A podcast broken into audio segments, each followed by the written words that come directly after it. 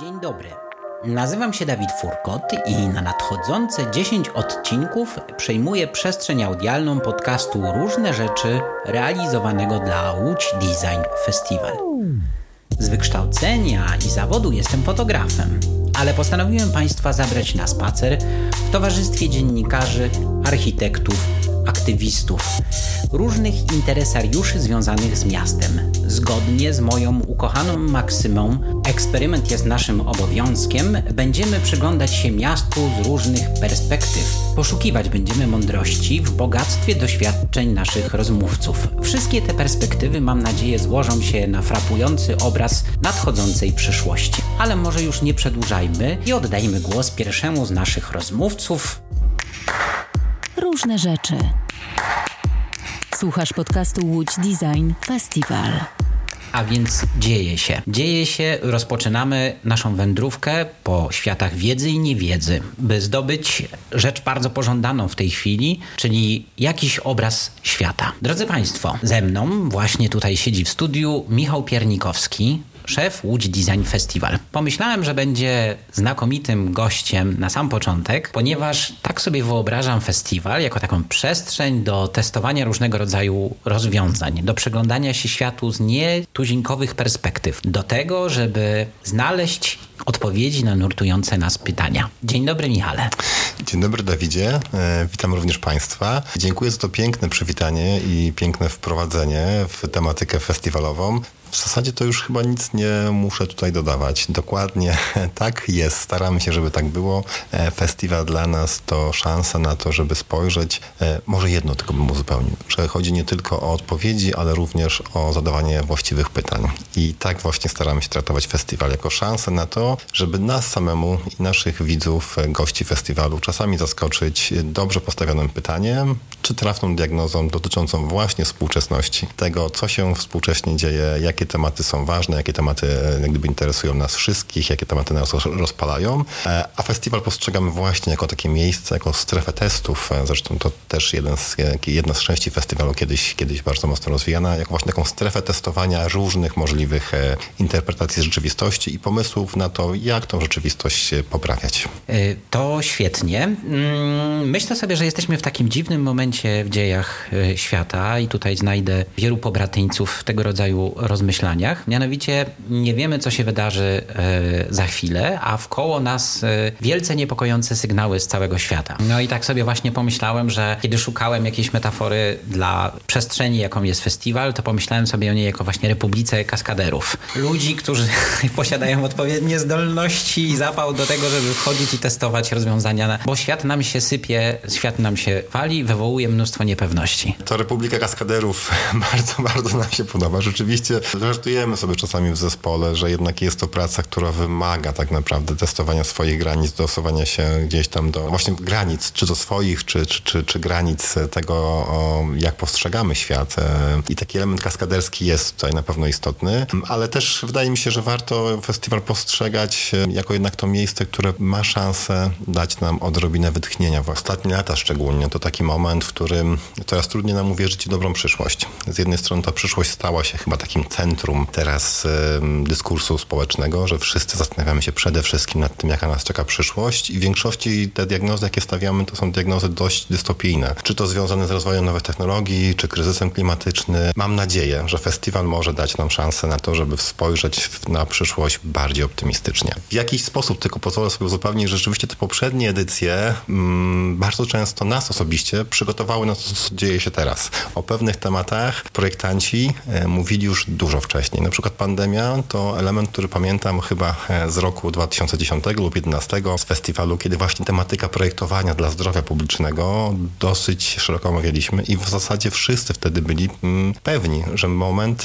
pojawienia się nowej pandemii na pewno nastąpi. Pytanie było tylko kiedy, więc w jaki sposób mam wrażenie, że właśnie udział w festiwalu i jak gdyby śledzenie tych tematów, o których staramy się opowiadać, pozwala e, jednak e, na przećwiczenie sobie pewnych scenariuszy przyszłości, e, czasami na to, żeby przygotować się do nich lepiej, a czasami mm, pozwala po prostu jak gdyby w jakiś sposób się upewnić w tym przekonaniu, że jakaś przyszłość na pewno będzie. No właśnie, przyszłość, przyszłość, przyszłość, to niejako już musimy wypowiedzieć temat nadchodzącego festiwalu, no bo trochę po to się spotkaliśmy, po to, żeby właściwie w ten sposób rozproszyć mgłę niepewności. Słowo mgła nie pojawia się przez przypadek, ale wrócę do tego za chwilę. Powiedz nam proszę, o czym będziemy w tym roku, nad czym będziemy się w tym roku zastanawiać. No więc tak chyba już zdradziliśmy, że na pewno zastanawiać będziemy się nad przyszłością, a hasło przewodnie festiwalu postanowiliśmy i już myślę, że to będzie oficjalne chyba oficjalne ogłoszenie tego hasła. Mam nadzieję, że słuchacze jako pierwsi e, poznają e, oficjalnie komunikat dotyczący tematu, który będzie przyświecał całej, całemu Design 2023. E, jest to hasło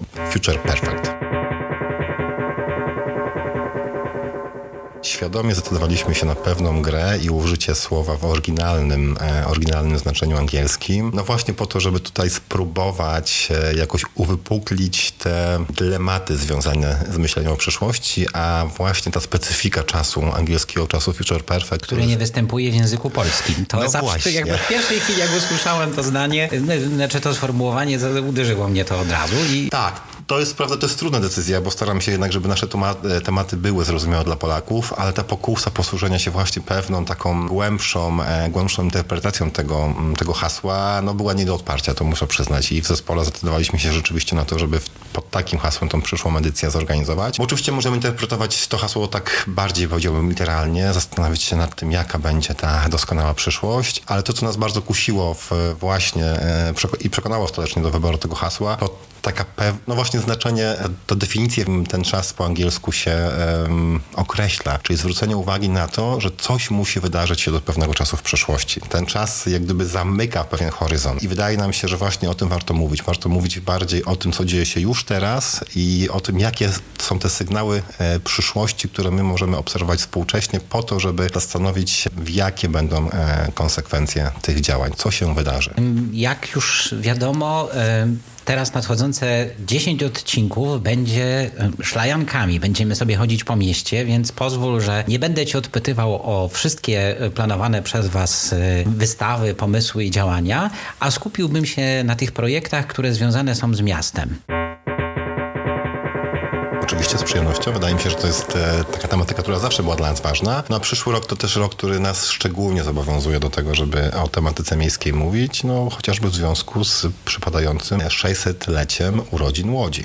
Więc też temat jak gdyby zobowiązuje podwójnie do tego, żeby zająć się tematyką miejską, bo też dodatkowo chyba to miasta są e, tymi miejscami, które w tym momencie mm, no, decydują o tym, jaka będzie nasza przyszłość. tak naprawdę myśląc o przyszłości, myślimy o miastach. Tak, właśnie to chciałem powiedzieć, że przekroczyliśmy próg, w którym jest po prostu więcej mieszczuchów niż e, ludzi, którzy żyją w innych formach. Natomiast sama ta sytuacja wywołuje we mnie pewien dysonans poznawczy. Mam na to materialne dowody, że nie ja jeden e, niepokoję się. Mm, mianowicie chodzi mi o następującą sprawę. Kiedy zastanawiałem się nad scenariuszami przyszłości, kiedy zastanawiałem się nad e, wizją nadchodzących światów, to po pierwsze wyszedł bardzo silny trening popkulturowy wyłaniający się z filmów i książek science fiction, a po drugie uświadomiłem sobie, iż jestem bardzo dwudziestowieczny w swoich wyobrażeniach. Siłą rzeczy, kiedy rozmyślałem o mieście, pojawiał mi się e, Manhattan ze swoimi liśniącymi wieżącami, cała technologiczna innowacyjność właśnie, która jakby, nie wiem, wdarła się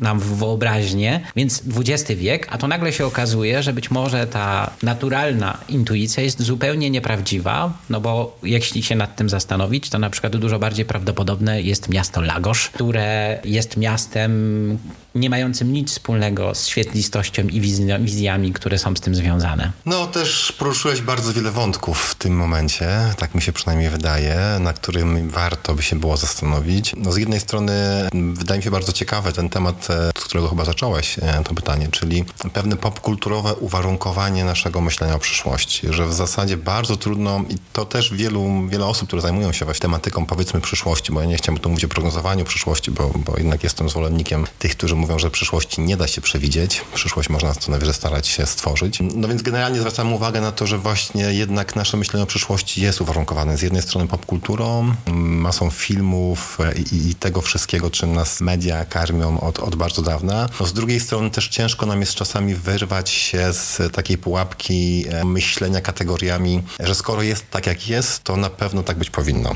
Czyli tutaj właśnie tematyka traktowania jak gdyby przyszłości jako miejskiej i to miejskie właśnie rozumiane tak jak teraz, poprzez wieżowce, centra miast, ruch uliczny, no jest bardzo kusząca. Trudno nam po prostu wyobrazić sobie czasami jakieś inne alternatywy. No ale właśnie ten przykład Afryki, o którym wspomniałeś, wydaje mi się też bardzo ciekawy, bo to oczywiście wiemy, że to będą te miasta, które przynajmniej pod względem liczebności zdeterminują XX, XXI e, wiek i prawdopodobnie jeszcze, jeszcze lata kolejne. I znowu, to oczywiście zupełnie inne miasto niż to, jakie my sobie wyobrażamy, no właśnie żyjąc tutaj w tej naszej kulturze hmm, Europa, europejskiej, zachodocentrycznej powiedzmy. I a faktycznie te, te wielkie innowacje, te wielkie zmiany, e, te nowe pomysły tak naprawdę dzieją się poza Europą współcześnie, tak? Dzieją się w Afryce, dzieją się w Ameryce Południowej, dzieją się w Azji. Znaczy na szczęście wydaje mi się, że też dobry dobrych przykładów jest również bardzo wiele, tak? Widać, że miasta potrafią jak gdyby zaproponować pewne nowe, nowe wartości i ten rozrost miast i jak gdyby fakt, że w miastach będzie żyło coraz więcej osób, bo wydaje mi się, że tak w tych perspektywach pod koniec wieku, kiedy dobijemy już do 9 miliardów e, mieszkańców naszej kuli ziemskiej, to prognozuje się, że w miastach będzie żyło chyba około 70% nawet, e, o ile pamiętam. E, więc oczywiście to jest, jest to wielkie wyzwanie. Jest to wielkie wyzwanie, ale no ten przykład Afryki wydaje mi się mm, pokazywać, że mamy tam nie tylko te trudności mm, i nie tylko jak gdyby widzimy, że z czym będziemy się mierzyć, e, czyli właśnie chociażby rozrost e, slumsów, czy generalnie tego typu, e, tego typu trudności, które, które stają nam, stawiają, stawia przed nami właśnie przyszłość, a też mamy wiele przykładów takich naprawdę rewolucyjnych rozwiązań, rewolucyjnych rozwiązań, które próbują nie tylko jak gdyby radzić sobie już z istniejącymi problemami, ale no wykreować coś zupełnie innego, więc mamy oczywiście takie rozwiązania jak D-Line, bo to chyba jest taki najbardziej Czułem, że padnie to sformułowanie. Nie mogło nie paść, wydaje mi się, że nie mogło nie paść, to D-Line jest e, tematem, który jest najbardziej sexy z jednej strony poprzez e, to, że, że trudno uwierzyć, że on powstanie po prostu. Jest to, jest to chyba jedna z najbardziej takich śmiałych wizji i, i wielu urbanistów e, no, patrzy na to z powątpiewaniem. No, z drugiej strony no, po prostu skala tego projektu, skala tej innowacji oszałamia, a warto wspomnieć, że podobnych, może nie podobnych, bo to rzeczywiście jest wyjątkowe, wyjątkowy jednak projekt, ale no, podobnych rozwiązań, to znaczy miast, które buduje się od zera, miast, które się zakłada na różnych warunkach, bo powstają miasta prywatne, miasta korporacyjne, są miasta chociażby w Chinach, które powstają gdyby z założeniem, że właśnie mają być miastami odpornymi na pandemię. Tych nowych idei e, wokół tego, co można zrobić z miastami jest bardzo wiele. Wydaje mi się, że właśnie to jest ciekawe. Tak? Z jednej strony warto obserwować, co się zmienia i jakie propozycje pojawiają się w tych miastach, które borykają się z jakimiś problemami. To jest dla mnie fascynujące. Na przykład takie rozwiązania, które już prognozując problemy chociażby żywnościowe, e, zaczynają zwracać uwagę, że być może do miast, e, że w miastach powinna pojawiać się uprawa, tak? Jakaś, jakiś rodzaj hodowli, czy właśnie jakieś takie rozwiązania, które mierzą sobie z nierównościami dotyczącymi możliwości korzystania z transportu publicznego, czy w ogóle z nierównościami, e, z nierównościami społecznymi, bo to też bardzo ważny element, kiedy mówimy o miastach, to, to jednak warto wspomnieć, że miasta są tymi centrami, które no, oddziałują na hmm, całą politykę i na przykład właśnie nierówności społeczne najmocniej widoczne są w miastach. Tak jak y, słucham Cię w tej chwili, to myślę sobie od jednej rzeczy, że tak naprawdę tych y, gładkich słowach zawierało się cały zestaw różnego rodzaju wizji dotyczących współczesnych miast. No więc co do tego jesteśmy pewni, nie ma przyszłości poza miastami, no ale na tą całą sytuację można popatrzeć z różnych perspektyw. Z jednej strony wyłaniają się wspaniałe, futurystyczne wizje, jak koreańskie Songdo, ale z drugiej strony mamy wyspy na Pacyfiku, Tuwalu, które lada chwila będą pod wodą ze względu na narastającą e, katastrofę klimatyczną. Ale wróćmy. Hiper e, nowoczesne miasta, no właśnie przywołane Songdu naszpikowane elektroniką, do którego możemy się dostać jakby wielkie centrum biznesowe, to jako jeden z obrazów i właśnie wyspy Tuwalu, które lada chwila będą pod, pod wodą. No i tam pomysł na przykład, żeby przenieść swoje terytorium do metaversum. Znów temat tak wielowątkowy, że spróbuję, spróbuję się nie zagubić z odpowiedzi na tym, ale poruszyłeś moim zdaniem dwa też ciekawe tematy i one są bardzo istotne w ogóle przy myśleniu o miastach i myśleniu o przyszłości miast. Z jednej strony to właśnie widzimy widzimy taki pewien fetysz technologii i, i widzimy, że przy myśleniu o tym, o kolejnych miastach nie sposób jak gdyby uciec od takiej właśnie idei smart cities, ale jak gdyby taką ciemną stroną tego smart cities mam wrażenie, że jest chociażby... Bardzo pięknej, zanim opowiesz o tej ciemnej wizji, bo będziemy musieli o niej bezwzględnie wspomnieć, to pięknej, prawda? Pięknej, pięknej. Jak gdyby sama wizja smart cities, miasta, w którym żyjemy, łatwo, przyjemnie, wszystko nam jest podtykane, załatwiane za nas, transport publiczny sprawia, że nie potrzebujemy samochodu i po prostu wszystko dzieje się w jakiś sposób e, taki samo z siebie. No jak w Jetsonsach, jeżeli możemy, Jetsonach, jeżeli możemy znowu wrócić do tych tropów popkulturowych. To jest jedna z tych wizji. A druga wizja, no to właśnie e, ta wizja wszystkich tych miast, które na przykład w związku z katastrofą klimatyczną znikną, tak? Wiemy, że podobna rzecz dzieje się trochę chyba już w tym momencie z Jakartą. Jakarta się próbuje przenieść jak gdyby z, z wybrzeża. Zresztą wybrzeże to, to taka naturalna lokalizacja dla wielu tych najbardziej prężnych miast, więc podnoszenie się poziomu wód będzie wyzwaniem dla wszystkich. Ale to, co chciałem wspomnieć tutaj właśnie przy okazji Tuwalu, że no nie wiem do końca oczywiście, czy, czy możemy traktować tą deklarację tak zupełnie serio, czy nie jest to jakiś krzyk rozpaczy, bo wydaje mi się oczywiście, że, że no nie wszystko da się przenieść do metaversum, tak? Te pomysły, wydaje mi się, że właśnie to, co jest wpisane w samą ideę miasta, to jest pewna bliskość fizyczna i po prostu kontakt taki codzienny między ludźmi, między, między człowiekiem a, a budynkami, jak gdyby bycie w przestrzeni, tak? No właśnie nie da się, nie, nie ma miasta moim zdaniem bez możliwości szlejania się po nim, więc tak naprawdę nie bardzo wiem oczywiście, jak mogłoby wyglądać to przeniesienie, przeniesienie całego państwa w tym momencie oczywiście do, do metaversum. Ta wizja nasuwa niestety bardzo dystopijne, dystopijne filmy i, i jakieś takie wizje przyszłości właśnie w stylu,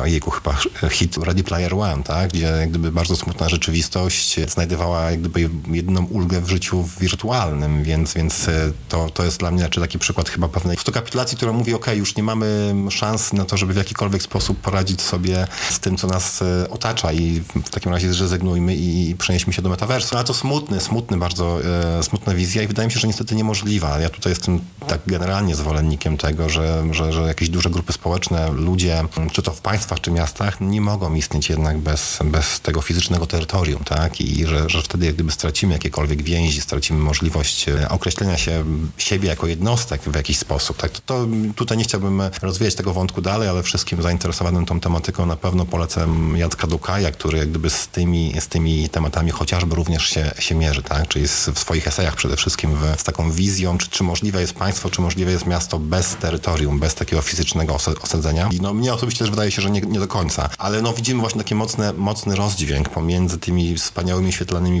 wizjami przyszłości, miast zautomatyzowanych, czy jeżeli nawet mówimy o miastach pływających i, i o wodzie, no to takie mm, libertariańskie utopie mm, osób chociażby z, gdzieś tam z Doliny Krzemowej, Petera Tilla, czy, czy tych największych beneficjentów współczesnej, e, współczesnej technologii opartej o, o, dane, no zakładają jak gdyby stworzenie takich miast, które właśnie pływałyby i byłyby takimi libertariańskimi utopiami po to, żeby nie podlegać kontroli innych państw, tak żeby móc no, chociażby właśnie nie płacić podatków. Więc znowu mam wrażenie, że, tutaj mm, nawet z tą wizją właśnie miast pływających, czy radzenia sobie z, z, z podnoszeniem się poziomów e, wód, dotykamy tego, co jest najistotniejsze, czyli też jakiegoś takiego rozdźwięków po prostu i nierówności, nierówności społecznych, tak? Czyli mamy państwa, które po prostu z przykrością w jakiś sposób, moim zdaniem, no, muszą ogłosić swój schyłek, upadek, bo nie są w stanie sobie same poradzić z, z nadchodzącą katastrofą, a z drugiej mamy no, wizję jak gdyby uwolnienia się i wręcz ucieczki od, od jak gdyby reszty społeczeństwa poprzez stworzenie niezależnych miast e, pływających na morzu czy, czy na oceanie. Więc, więc Wydaje mi się, że tutaj też trochę wchodzimy na ten temat, y, mm, który poruszamy na innym projekcie, na innej wystawie w ramach festiwalu. No właśnie, bo wszystkie rzeczy, o których wspominasz, y, w jakiś sposób zostaną uwzględnione w planowanych wystawach, więc te zdania i sformułowania nie pojawiają się przypadkowo. Nie, nie pojawiają się przypadkowo i rzeczywiście może tak dla uporządkowania e, powiem, że no, przede wszystkim dzisiaj oczywiście rozmawiamy i chcemy rozmawiać o tematyce miejskiej i tej tematyce będzie postawiona główna wystawa. Ja zdradzę jeszcze i tytuł taki roboczy, ale generalnie zastanawiamy się nad samą ideą właśnie miasta idealnego, tak, idea, która stoi za, za hasłem miasto idealne, czym ono jest współcześnie, jak można byłoby je i czy w ogóle powinniśmy jak gdyby dążyć do stworzenia miasta idealnego, a też się zastanowimy się nad takimi historycznymi rysami e, tej tematyki i w ogóle prześledzimy, prześledzimy, mam nadzieję, wspólnie z naszymi gośćmi nie tylko w ramach wystawy, ale też z różnych wydarzeń towarzyszących właśnie na tematykę miasta, miasta idealnego. No, drugą ważną wystawą e, dla nas jest wystawa, tutaj znów powiem, że to oczywiście wciąż roboczy tytuł, Przyszłości wyobrażonej. Zastanawiamy się nad, nad tym, jak właśnie w przyszłości jesteśmy sobie w stanie wyobrazić i stworzyć. I już jak gdyby podsumowując to i wracając do poprzedniej myśli, no, wydaje mi się, że to, co jest ważne w tym, o czym, o czym mówiliśmy, że nie ma jednej przyszłości, tak? Są raczej różne przyszłości i nawet jeżeli myślimy o tej przyszłości miast, to też to będą bardzo różne przyszłości. Różna w różnych miejscach na świecie. Ja też posłużę się może jeszcze jednym cytatem, który jakoś przyświeca nam, myślimy o tych wystawach na rok 2023. Znów autor science fiction, więc człowiek, który umeblował w jakiś sposób nasze wyobrażenia przyszłości. William Gibson, autor, który wymyślił cyberpunk, więc też taki mm, dosyć mocny chyba mm, kulturowy temat, istotnie obecny, powiedział kiedyś ładną rzecz, że przyszłość już jest, tylko nierówno rozdystrybuowana. I on pisząc swoją książkę zaczął tak naprawdę od tego, że podróżował po świecie, odwiedził różne miasta i ta refleksja towarzyszyła właśnie tym podróżom, tak? Czymś zupełnie innym jest przyszłość, którą widzimy, albo którą on widział wtedy w Tokio, w Nowym Jorku, od tej przyszłości, którą właśnie widać e, chociażby w wielu miastach Ameryki Południowej czy w Afryce, więc e, no, to jest ważne, że jednak mówimy o, o różnych przyszłościach, a jeżeli chcemy sobie wyobrazić te przyszłości, to czasami wystarczy po prostu popatrzeć mm, do sąsiada i zobaczyć, jak on żyje.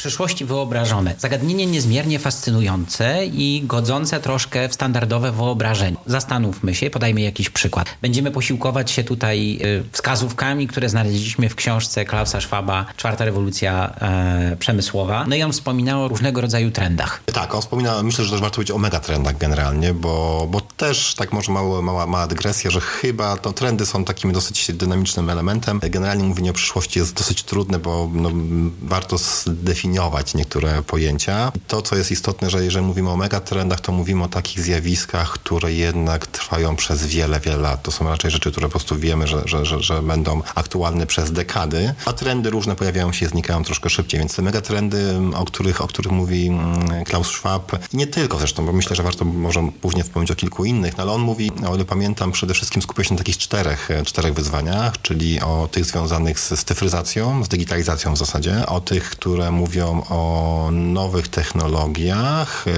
pewnych wyzwaniach biologicznych, bo to też jest coś, co, co, co, co jeszcze może nie jest tak e, obecne w naszej, w naszej wyobraźni, ale wydaje mi się, że to będzie kolejny, kolejny element, którym będziemy się martwić i przejmować bardzo szybko, czyli właśnie ten postępujący rozwój sztucznej biologii czy, czy biologii syntetycznej. No i na koniec oczywiście e, materiały i taka nowa fizyczność, która też tutaj pojawia się i ona akurat mam nadzieję, że raczej napawa nas wszystkich pewnym optymizmem i, i pokazuje, że właśnie ta przyszłość może być, może być świetlana Najlepszym tak naprawdę odzwierciedleniem tych zmian są znów miasta, tak, w których te, mm, te wizje przyszłości już teraz możemy coraz częściej obserwować i no właśnie one mogą niekiedy dawać nam nadzieję na poprawę, na lepsze jutro, niekiedy nas znowu niestety mm, napawać pewną, pewną e, obawą, ale to wszystko dzieje się, dzieje się w miastach. Ja może zaznaczę jeszcze, wspomnę o innych megatrendach, o których warto byłoby powiedzieć i które moim zdaniem też są istotne przy kształtowaniu się miast, no bo mamy pewne megatrendy związane na przykład z postępującym wzrostem nierówności, znowu bardzo mocno widocznym, widocznym w miastach.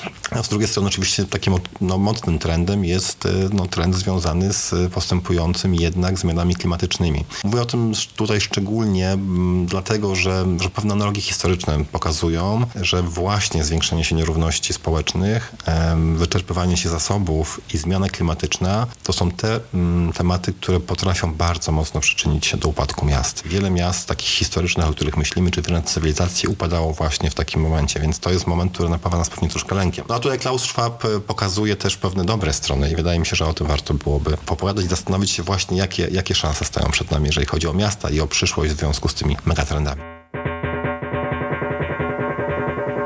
Odwołajmy się do kilku przykładów. Ja mam osobiście taką przypadłość umysłu, że jestem w stanie pochwycić jakiekolwiek zjawisko dopiero jak mi się zmaterializuje. No więc na przykład transport auto autonomiczny. Tak. Bardzo się cieszę, że przychodzi do tych przykładów, bo ja mam niestety pewną inną przypadłość. Bardzo lubię mówić ogólnie, zastanawiać się nad ogólnymi trendami, więc potrzebuję też tego sprowadzenia właśnie bardziej. Tak, jednym z tych takich elementów, o których mówi się już od jakiegoś czasu i który na pewno będzie kształtował naszą, nasze myślenie, naszą, naszą przyszłość, a już kształtuje nasze myślenie o przyszłości, to jest transport autonomiczny. I on moim zdaniem w dobry sposób ukazuje takich wiele dylematów, wiele wyzwań, które właśnie z rozwojem technologii się pojawiają. No bo z jednej strony oczywiście to chyba marzenie, o którym wszyscy, albo prawie wszyscy śnimy od dawna. Autonomiczny transport, nie musimy się przejmować, nie musimy prowadzić, samochód będzie zawsze na czas w tym miejscu, gdzie ma być, wszystko zintegrowane w jedną sieć, mądre, bezpieczniejsze samochody, które... Mniej zanieczyszczeń. Mniej zanieczyszczeń oczywiście. No to znowu pojawia się tak z jednej strony idea smart cities, czyli możliwości po prostu wykorzystania tak, tych, tych miejskich zasobów do maksimum i to jest oczywiście jak najbardziej szczytna, szczytna idea. Wszyscy czekamy na, tą, na, ten, na ten moment, e, kiedy właśnie tak będą działały miasta. Samochody autonomiczne, samochody właśnie dla nas wygodne, ciche, tak, no, gdyby ta wizja bardzo, bardzo mocno przyszłościowa. A jest ten drugi aspekt, nad którym się nie zastanawiamy, czyli z czym się będzie to wiązało, bo tych e, elementów z reguły w filmach science fiction nie ma. E, czyli na przykład utrata pracy osób, które no, do tej pory utrzymywały się wykonywania zawodu kierowcy. Tak? To w skali świata jest naprawdę chyba jedna z największych grup zawodowych. Moment, w którym pojawią się autonomiczne samochody, to będzie moment, w którym trzeba będzie oczywiście zastanowić się, co zrobić z tą masą osób, które straciły swoje dotychczasowe źródło utrzymania, mm, ale też na przykład bardzo ciekawymi elementami, które wiążą się właśnie z, z autonomicznym transportem, moim zdaniem jednym z takich ciekawszych to są dylematy moralne. E, nie wiem, czy, czy znasz, czy, czy nasi słuchacze e, słyszeli o takim eksperymencie myślowym, e, eksperymencie myślowym, który nazywa się dylematem wagonika? Nie, nigdy o tym nie słyszałem. Zresztą wydaje mi się, że dylematy moralne można, mógłby powstać o tym osobny odcinek, który by tylko to rozważał, ponieważ każda z tych nowych technologii, każde z tych nowych rozwiązań właściwie gwarantuje nam przekraczanie granic, które do tej pory, nie wiem, wymyślamy na nowo człowieka, bo jeszcze będziemy wspominać właśnie o innowacjach związanych z biologią, z drukiem 3D, ale może nie uprzedzajmy faktów, wspomnijmy o dylemacie wagonika. Tak, dylemat wagonika spróbujemy właśnie faktycznie może o tym dylemacie moralnym, bo zaraz za tym dylematem moralnym idzie dylemat też prawny w pewien sposób, tak? I o tym warto powiedzieć, że to oczywiście jest cała kwestia nowych regulacji, a prawo z reguły nie nadąża niestety za tymi zmianami technologicznymi. A dylemat wagonika, no to jest taki mm, eksperyment myślowy, który, w którym sytuacja wygląda tak. Jest wagonik tramwajowy, ten wagonik toczy się swoim torem i na tym torze znajdują się cztery osoby. I jeżeli my nic nie zrobimy, to te cztery osoby zginą zabite przez ten wagonik. My możemy w tym momencie wykonać pewną czynność, czyli jesteśmy tutaj z siłą sprawczą. Możemy przestawić zwrotnicę wagonika tak, żeby on zamiast tych czterech osób zabił jedną. Ten eksperyment Bardzo myśla, ciekawy dylemat. Bardzo ciekawy dylemat. Mówisz, to, już mówię o co chodzi. No w tym momencie oczywiście samochody autonomiczne, tutaj się wszyscy zgadzają, będą o wiele bezpieczniejsze, ale każda technologia, każda działalność ludzka cechuje się tym, że jednak jest podatna na błąd. Tak? Na pewno wypadki zmaleją, ale te wypadki wciąż zdarzać się będą. I powstaje bardzo poważny dylemat, w jaki sposób te autonomiczne samochody powinny postępować. Czy powinny na przykład uśmiercić swojego pasażera, jeżeli będą w stanie ocenić grupę 15 osób, 5 osób, 4 osób. Generalnie to, co do tej pory działo się jak gdyby trochę poza taką świadomą decyzją, albo no właśnie polegało na po prostu naszym ludzkim odczuciu, my będziemy musieli po raz pierwszy bardzo dokładnie opisać, e, przygotować algorytmy, które będą uczyły jak, samochód właśnie w jaki sposób powinien postępować. To, co jest dla mnie bardzo ciekawe, to już w tym momencie toczą się takie właśnie eksperymenty. Każdy z nas chyba może wypełnić taką poszerzoną nawet trochę ankietę um, dotyczącą tego dylematu wagonika, bo tam są różne, różne warianty na przejściach dla pieszych, związane z wiekiem osób, zawodem. Ten eksperyment przeprowadzony w różnych krajach na świecie, mm, ten eksperyment myślowy, jak gdyby jest rozwiązywany w różny sposób. Tak, są kultury, gdzie to myślenie o korzyści grupy jest naturalne i one wybierają e, właśnie to uśmiercenie jednej osoby po to, żeby ocalić życie czterech osób. Są inne kultury, w których przykład wolność tak? i pewna taka przekonanie o sprawczości jest ważniejsze, więc jeżeli my mamy mm, kogoś zabić, ten nasz gest decyduje o śmierci jednej osoby, to takie decyzje nie podejmiemy i wolimy, żeby umarły cztery osoby, a jedna, ta jedna osoba żyła. Gdyby tych dylematów moralnych jest bardzo wiele, a zaraz za tym będzie musiała postępować również jak gdyby mm, no, w jakiś sposób e, spisanie tego, kodyfikacja tak? i ustalenie e, prawa, które będzie nami decydowało, więc wydaje mi się, że też to, o czym warto pomyśleć, to nie tylko zmiany technologiczne, ale zmiany, które zajdą w nas wszystkich. Nadchodząca przyszłość, ogromna liczba niepokojów, technologia, która próbuje temu zaradzić w bardzo różny sposób, ale za każdym razem tkwiący y, w tych rozwiązaniach dylemat moralny, no bo osiągamy zdolności, o których do tej pory nam się nie śniło. Osiągamy zdolności, które do tej pory były zarezerwowane dla fantazji co bardziej y, bystrych pisarzy science fiction. Tak więc przed nami cała masa różnego rodzaju wyzwań, które mu spróbuje sprostać nowoczesna technologia, ale oferowane przez nią rozwiązania to również jakby w pakiecie niejako zaszyta cała masa dylematów moralnych, wątpliwości etycznych. Może jakoś byśmy się do tego odnieśli. Oj tak, znów duży temat. Cieszę się, że zapytałeś w taki sposób, bo to pozwala mi może wprowadzić jeszcze jedno pojęcie, które chciałbym naszym widzom e, przybliżyć, ale naszym słuchaczom przybliżyć, ale może po kolei. Temat e, przyszłości i tego, że staramy się tak naprawdę stworzyć pewną utopię e, dzięki właśnie nowym technologiom, utopię bezpieczeństwa, utopię policzalności, kontrolowalności całego środowiska, no jest bardzo kuszące. Mamy drugą stronę utopii, czyli dystopię i tak samo wiele możemy dostać złego dzięki nowym technologiom, jak dobrego, bo znów każda nowa technologia ma, mam wrażenie, no te swoje dwie strony. To, jeżeli mówimy o algorytmach, no oczywiście te algorytmy pozwalają nam nie, dokonywać niesamowitych rzeczy, szczególnie te, które no właśnie są tym machine learning, tak, i jak gdyby pewna specyficzna technologia e, pozwala, jak gdyby już w tym momencie widzimy, no dokonywać tak naprawdę rzeczy, które jeszcze 10 lat temu wydawały się zupełną fantazją, to taką no, wielkiej wody fantazją, no chociażby to, co się dzieje w tym momencie w generowaniu ilustracji, tak, dzięki, dzięki właśnie tym large language systems,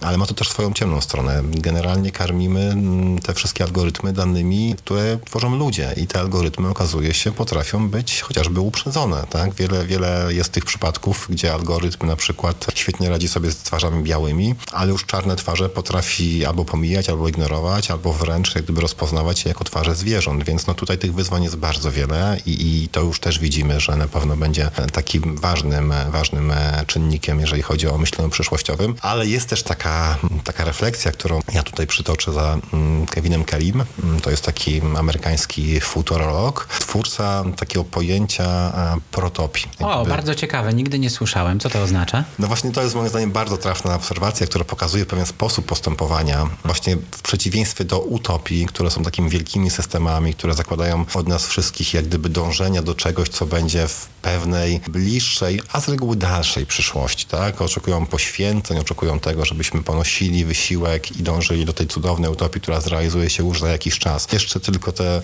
10 e, lat pracy po godzinach w wspaniałej fabryce i wszyscy będziemy cieszyć się tym nowym, nową technologią. No wiemy też niestety, że z reguły, albo bardzo często te utopie mm, okazują się być dystopiami. W tym momencie mm, jednym z takich wyzwań, z którymi my sobie dzielimy, czy może tak, czyjaś utopia może być dla kogoś innego dystopią, ale tym, co jest specyficzne dla, dla nowych technologii, to tu znowu, gdyby cytuję, cytuję mm, Kevina Kelly'ego, poza tym, co jest dobrego w nich, poza tą częścią utopijną, to te nowe technologie mają też swoje koszty. I w tym momencie widzimy, że osiągnięcie pewnej utopii, która tak naprawdę po II wojnie światowej chyba możemy powiedzieć towarzyszyła nam wszystkim. To jest niesamowity okres wzrostu dobrobytu ludzi na całym świecie. Mamy masę rozwiązań właśnie chociażby związanych z biologią, z lekami, z przedłużeniem naszego życia. Takie technologie jak chociażby tworzywa sztuczne, które sprawiły, że wiele osób nagle z biedy podźwignęło się z biedy i tak naprawdę zaczęło żyć dostatnio, komfortowo. No w tym momencie widzimy tą ciemną stronę, bo nagle musimy sobie radzić z, z kosztami tych technologii, czyli plastik, który był świetny, tworzywa sztuczne, które były świetne. Jeżeli wykorzystujemy je źle, no to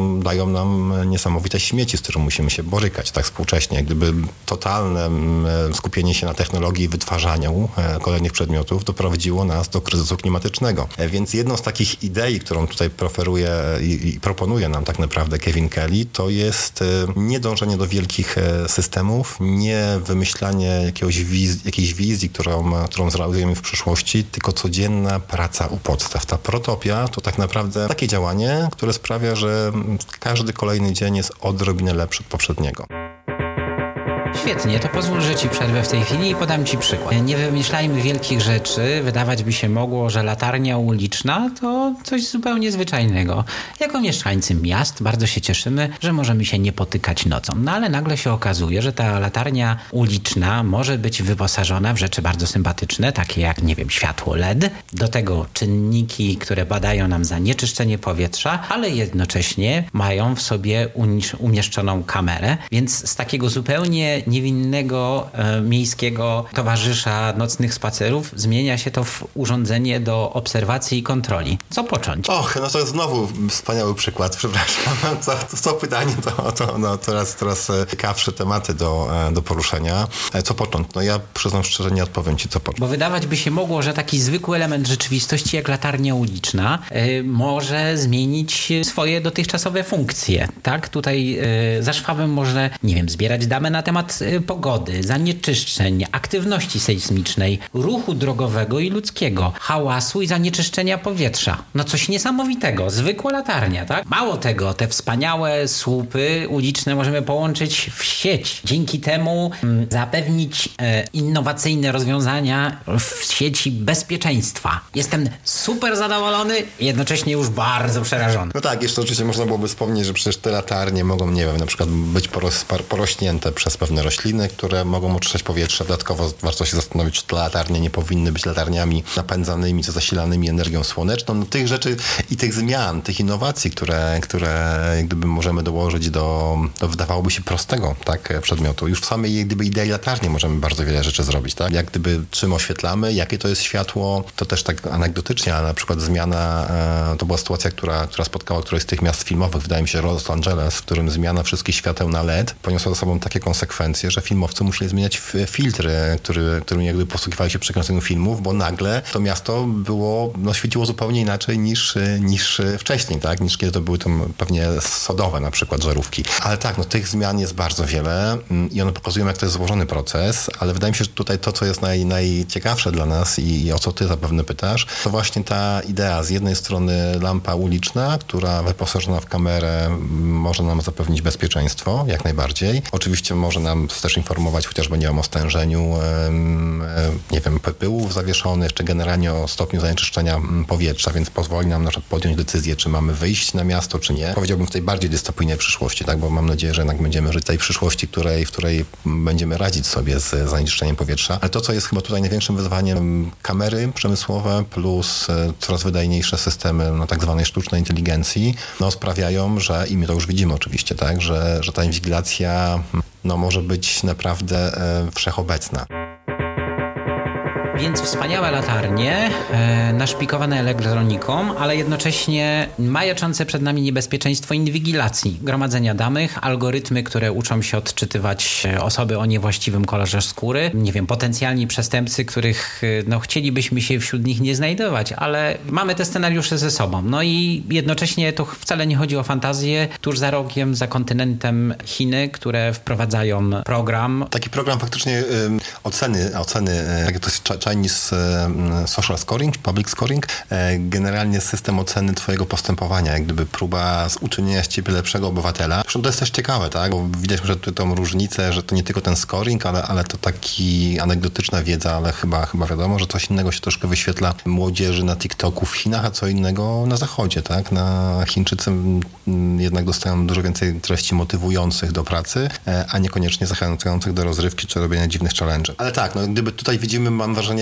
dwie, znowu dwa medale tego, bo oczywiście z jednej strony. Same dobre rzeczy. Tak. Nie wyrzucajmy śmieci, przechodźmy przez ulicę na czerwonym świetle, bo zobaczymy swoją twarz na ekranie. No właśnie, bo co w tym złego z jednej strony? Można by się było będziemy zastanowić. Będziemy lepszymi obywatelami. Tak, będziemy lepszymi, lepszymi obywatelami. I no, ja myślę, że zupełnie serio warto się oczywiście nad tym zastanowić, że mam wrażenie, że w jakiś sposób ten system chiński jest jak gdyby pewną alternatywą tego, co my również też mamy na Zachodzie. Może trochę delikatniej, ale no już stajemy przed chociażby perspektywą tego, że ubezpieczalnie będą o wiele bardziej nas badać i obserwować i wysokość naszego ubezpieczenia będzie wynikała z tego, czy chociażby mamy, nie wiem, więcej ryzykownych zachowań, czy nie. W jakiś sposób, no przecież yy, wszyscy się zgadzamy, że skoro jest przepis zakazujący śmiecenia i policjant może w tym momencie mandatem ukarać za to śmiecenie. A jednak wizja takiej permanentnej inwigilacji oczywiście nas przeraża i, i no pokazuje, że panoptykon w zasadzie, tak, czyli możliwość podejrzenia wszędzie, zawsze, o każdej porze, a dodatkowo, co jeszcze jest istotne, jak gdyby nauczenia się naszych odruchów, bo to jest ważne. Tak, rzeczywiście projektanci od lat i my też takie projekty pokażemy, próbują radzić sobie chociażby z tym nieustannym monitoringiem,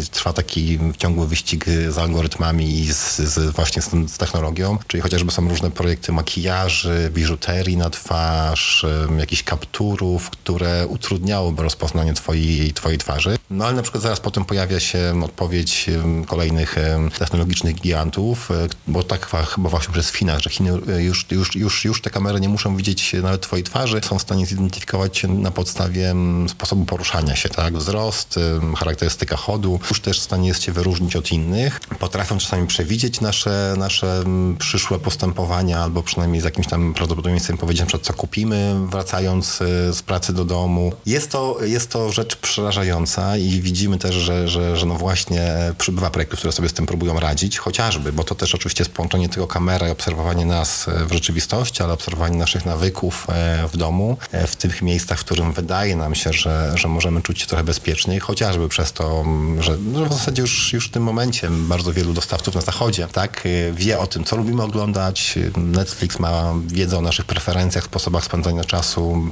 myślę, że porównywalne z tą wiedzą, którą dysponują chińskie władze. Więc to, co dzieje się, mam wrażenie, w sposób scentralizowany w Chinach, u nas na zachodzie często jak gdyby odbywa się poprzez różne korporacje, które tą wiedzę o nas zdobywają. Nasz ślad internetowy i nawyki, e, był kiedyś taki eksperyment, polecam, można sobie zrobić. E, w zasadzie podobno na, czy podłączając swoje konto facebookowe do, do takiej aplikacji, wydaje mi się, że to był projekt badawczy gdzieś z Cambridge. E, nie pamiętam, łatwo można to znaleźć. No, bardzo szybko ten, ten algorytm, aplikacja mogła z niesamowitą trafnością powiedzieć nam o nas rzeczy, o których nie wiedzą nawet nasi najbliżsi. Jakie mamy ulubione filmy, jak gdyby, jakbyśmy zagłosowali, jakie mamy preferencje, bo no, tak bardzo, tak bardzo jak gdyby w tym w sieci się ujawniamy. Ale znowu zadam może od razu, od razu powiem, że z tym projektanci również próbują sobie radzić. Tak? Przybywa chociażby takich rozwiązań, które w jakiś sposób randomizują nasze zachowanie. Tak? Od um, takich fizycznych obiektów, e, które na przykład stukają w klawiaturę w sposób nieprzewidziany, przełączają strony, jak gdyby spróbują w jakiś sposób wprawić te śledzące nasz, nasze algorytmy w zakłopotanie, czyli gdyby dołożyć do tych naszych e, zwykłych, e, intencjonalnych czynności jakiś element chaosu, ale również pojawiają się takie rozwiązania, które próbują w podobny sposób no, zarządzać nami w przestrzeni fizycznej, tak? Czyli na przykład podpowiadają nam, żebyśmy w jakiś sposób zmienili swój nawyk, postąpili nielogicznie. No projektanci próbują e, tak już, już uprzedzać czasami te, te um, przyszłe problemy, z którymi jeszcze, pewnie jeszcze ich nie doświadczamy, ale możemy kiedyś doświadczyć, więc no tutaj też nieustanny wyścig, mam wrażenie, um, trwa, tak? Kontrola versus sposoby radzenia sobie z tą kontrolą. No ale też niezwykle istotny wydaje mi się po prostu taki aspekt społeczny i świadomości tego, że no, technologia mm, jest narzędziem, może być użytkowana w sposób no, dla nas korzystny, chociażby zapewniając nam więcej bezpieczeństwa, albo no niestety śledząc nas i, i, i jak gdyby dostarczając wiedzę o nas, być może osobom, której tej wiedzy dostarczyć byśmy nie chcieli, bo to kolejny mm, problem, jakieś zmiany. I, i już na przykład przestępcy potrafią się tym posługiwać. I są pierwsze przypadki właśnie, można powiedzieć, czy to porwań, czy kradzieży, takich wysoce ztechnicyzowanych, tak, bazujących na obserwacji naszych zachowań, wiedzy o tym, kiedy nas nie ma w domu, czy na przykład generowanych sztucznie, generowanym sztucznie e, głosowi, tak, czyli jak gdyby już w tym momencie wiemy, że algorytm potrafi podszyć się pod nas, tak, potrafi wygenerować nas głos tak, że nasz rozmówca nie będzie wiedział o tym, że, że to nie my dzwonimy, a, a ktoś się tylko pod nas podszywa, więc no, tych wyzwań przy, przybywa, a my na festiwalu staramy się też pokazać jak gdyby niektóre e, sposoby radzenia sobie z tymi wyzwaniami, albo nowe jak gdyby interpretacje tych, tych właśnie tematów, czyli pokazujące, że to nie tylko te złe strony, ale też są e, szanse na to, żeby coś dobrego z tym, z tym zrobić. No to jest akurat bardzo pocieszające. E, kiedy wspominasz o e, dwuznaczności technologii, a właściwie o ludzkiej decyzji, w jaki sposób ją wykorzystamy, to przychodzi mi na myśl jeszcze jeden przykład. Mianowicie chodzi mi o druk cyfrowy, rzecz, która z jednej strony pozwala nam drukować turbiny wiatrowe, ale z drugiej strony personalizować kręgi, które będą idealnie dostosowane właśnie w odpowiednich proporcjach, e, czyli jakby, nie wiem, pełna personalizacja takich elementów, tak? No myślę, że to jest jeszcze wyzwanie, jest jeszcze więcej, tak tak naprawdę, można powiedzieć, bo technologia druku 3D jest, wydaje mi się, też takim e, bardzo ciekawym przykładem. Tak, z jednej strony fakt, że ona dosyć długo leżała po prostu w takiej patentowej zamrażarce i, i my wiemy, że te drukarki mogły pojawić się dużo wcześniej, a dopiero w momencie, w którym patenty się uwolniły, to masa takich, e, mam wrażenie, makersów i ludzi, którzy po prostu kierują się tą ideą do it yourself, samodzielnie zaczęła budować te proste drukarki z ekscydrami. Potem oczywiście nastąpił gigantyczny rozwój. No i w tym momencie, tak wspomniałeś, tak, drukujemy domy i drukujemy w zasadzie zasadzie już bardzo różnymi materiałami na różne sposoby. To ma swoje niesamowite jak gdyby korzyści. Pozwala zminimalizować e, koszty, pozwala właśnie bardzo spersonalizować pewne rozwiązania, albo chociażby oszczędzi materiał, tak? Bo rzeczywiście, jeżeli drukujemy na wymiar, no to staniemy tylko to, co potrzebujemy i ani jednego odpadu. A z drugiej strony, no, drukować możemy chociażby broń. Więc e, jest też i, i to dosyć prosty modelem. Można w tym momencie, prawie każdy z nas może pobrać sobie z, gdzieś tam z internetu, e, nawet niekoniecznie chyba z dark webu, tylko te rzeczy można wyszukać, no po prostu odpowiedni e, wzór, w jaki sposób wyprodukować. Może nie taki prawdziwy, tak, pistolet z dużą siłą rażenia, ale jednak narzędzie, które pozwoli skrzywdzić inną osobę. Więc tutaj niezwykle mm, takim ciekawym tematem związanym z drukiem 3D właśnie są to, że my będziemy mogli drukować materiały czy, czy urządzenia, które są zakazane albo w jakiś sposób kontrolowane tak, do tej pory przez państwo, przez społeczeństwo. Znika w zasadzie albo może zniknąć element na przykład praw autorskich, czyli jeżeli my jesteśmy w stanie na przykład w jakiś sposób dobrze sfotografować e, pewien, nie wiem, projekt, tak, e, uznanego, uznanego twórcy i potem samodzielnie e, w domu go wydrukować, to niekoniecznie musimy zapłacić jak gdyby tantiemy za, za wykorzystanie jego myśli. No jest oczywiście że taki dylemat, przez jakiś czas się, się tego bardzo przy druku 3D obawialiśmy, czy, czy w momencie, w którym te drukarki 3D stałyby się czymś takim jak drukarki zwykłe w latach 90. atramentowe, gdzie w zasadzie każdy w domu miał taką drukarkę, no to pewnie ryzykiem byłoby to, że, że produkowaliśmy, byli, produkowalibyśmy bardzo wiele śmieci, bo, bo, bo też tak to sobie wyobrażaliśmy, tak, że nie wiem, nie masz zastawy, masz gości, którzy cię przychodzą, więc możesz błyskawicznie wy, wydrukować sobie, nie wiem, 30 plastikowych talerzyków, które potem możesz wyrzucić. Ta wizja się nie spełniła, prawdopodobnie jeżeli drukarki 3D będą stosowane jakoś bardziej na skalę masową, to raczej w takiej formie mm, jakichś centrów usługi i tak raczej to w tym momencie się właśnie widzi. I znów jest to element świetnie wpisujący się w miasto, tak, że pewne takie centra usługowe pojawiające się z odpowiednią gęstością w mieście, no sprawiłyby, że, że moglibyśmy chociażby z takich wspaniałych rozwiązań jak, jak druk 3D korzystać. No bo to jest chyba jedno z najbardziej science fiction, z najbardziej fantastycznych urządzeń, jakie, jakie współcześnie można zobaczyć. Mnie natychmiast przypomina się, nie wiem, Star Trek z, z replikatorami materii, które pozwalały wytworzyć na statku kosmicznym wszystko i znowu jak gdyby ten taki element właśnie naciśnięcia przycisku, coś pojawia się u mnie w domu natychmiast, no jest bardzo kuszący. No ale tak, znowu mamy tą masę dylematów, które w jakiś sposób, może trochę mniej niż w innych tematach, o których mówiliśmy do tej pory, a nawet w druku 3D pokazują, tak, że musimy mierzyć się też z nieprzewidywalnymi konsekwencjami tych, tych fantastycznych w gruncie rzeczy e, wynalazków. No ale mam trochę lepsze. Bawimy się w Pana Boka i możemy edytować e, genotyp, więc e, no tak. to, to dopiero jest... rozpoczyna się roller coaster dla naszych wrażeń etycznych, możliwości, no bo skala zastosowania już teraz jest... Tak, na razie chyba mierzymy się jeszcze, bo tak, ta, ta technologia, czy to CRISP, czy, czy generalnie różne zabawy. Na szczęście jeszcze przez kilka lat prawdopodobnie będą jednak zbyt trudne i zbyt drogie, aby, aby na przykład syntezować sobie nowego wirusa, tak, bo o tym też mówimy. Jest to coraz bardziej możliwe, że w takim zwykłym laboratorium w garażu tak zwanym, tak, będziemy mogli wytwarzać no, sztuczne, sztuczne czy tam syntetyczne życie. A to jeszcze na szczęście, jeszcze na szczęście przed nami, ale już w tym momencie na przykład wiemy, że mamy biohackerów, którzy bawią się różnymi rozwiązaniami, może nie aż tak głęboko ingerując w nasz genotyp. A tak, a ten biohacking jest, jest jak gdyby tańszy, jest możliwy, a może o tym za chwilę, ale wydaje mi się, że to co warto powiedzieć, no w tym momencie już mamy, tak, mamy już pierwsze dzieci, które urodziły się poprawione, z poprawionymi mózgami. Tutaj chyba mm, to, to jest sytuacja z Chiną, ja pamiętam, tak, Chiny, Chiny. Ten naukowiec chyba został finalnie skazany, no ale on mm, tak naprawdę posługując się jakimś takim trochę wytrychem, to znaczy sprawieniem, żeby, żeby to chyba były bliźniaczki dziewczynki, chodziło o to, żeby uniknąć możliwości zachorowania na którąś z chorób. Ja nie jestem pewien, czy czy to był eksperyment, który miał służyć przeciwdziałaniu HIV. Tutaj szczegółów niestety nie pamiętam. Zachęcam naszych słuchaczy, żeby samodzielnie sprawdzili, bo można to zrobić. No ale posłużył się tak naprawdę pewną modyfikacją genetyczną, która w efekcie sprawiła również, że wzrosły umiejętności e, umysłowe tych, tych dzieci, tak? Wydaje mi się, że tam szacuje się, że mogło to poprawić To wydaje pamięć, się trochę niesamowite. Jest to niesamowite i jak gdyby na szczęście na razie jest to możliwe tylko i wyłącznie właśnie w dużych laboratoriach, tak? Jak gdyby z jakąś jednak kontrolą e, odpowiednich instytucji, ale jak widać tą kontrolę można obejść, tak? Ta kontrola niestety może być złamana, więc ta, ta przyszłość e, nasza, jeżeli chodzi właśnie o modyfikację genetyczną, o technologię CRISP, no to są rzeczy, z którymi na pewno w najbliższych latach będziemy się mierzyć, a już w tym momencie e, na festiwalu będzie można wiedzieć o tym, co już teraz się dzieje. I to właśnie te technologie chociażby związane z takim biohackingiem, czyli mm, ingerowanie w swoje ciało na trochę mniejszą skalę, ale czasami chyba równie radykalnie, bo na przykład moim ulubionym takim tematem, który pojawia się u biohackingu, hakerów, to właśnie jest poprawienia swoich zmysłów, na przykład poprzez dołożenie sobie kolejnych zmysłów.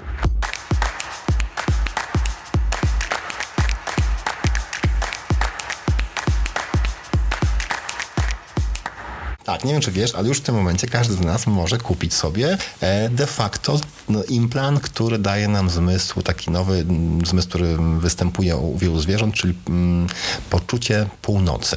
O, jest proszę. to implant, na razie jeszcze, czy można go, ym, plus jest taki, że, że on nie wymaga jakiegoś takiego prawdziw, prawdziwego wszczepienia sobie w ciało, on- jest taki trochę mniej inwazyjny, no ale jest to, jest to odpowiednie urządzenie, które sprawia, że my zawsze wiemy, gdzie jest e, jak gdyby północ, tak, wyrabia w nas, w nas poprzez tam wibracje i odpowiednie działanie, jak gdyby poczucie, poczucie północy. I to jest coś, co można w tym momencie kupić, produkt dostępny komercyjnie, a jest wiele eksperymentów, e, które, które próbują różne inne zmysły, tak, e, zastąpić czy wytworzyć. Człowiek, który mm, tak naprawdę w związku z utratą, z utratą słuchu i jak gdyby koniecznością wszczepienia implantów po prostu przywracających słyszenie, jak gdyby pokusił się o, poszerz, o poszerzenie tego zmysłu o słyszenie sieci Wi-Fi. Więc w tym momencie on, to jest chyba Londyńczyk i można sobie prześledzić takie jego też e, mapy dźwiękowe, zresztą swoją drogą myślę, że ciekawy element na taką niską szlajankę. Śladami sieci Wi-Fi, jak gdyby on słyszy intensywność tych sieci Wi-Fi, ich siłę, odległość, e, Bardzo ciekawy temat. tak. Tych nowych zmysłów pojawia się rzeczywiście coraz więcej. Ludzie bawią się chociażby w Night Vision, wszczepiają, e, wstrzykują sobie w oczy jakieś preparaty, które sprawiają, że widzimy lepiej, ale na przykład możemy też sobie dołożyć e,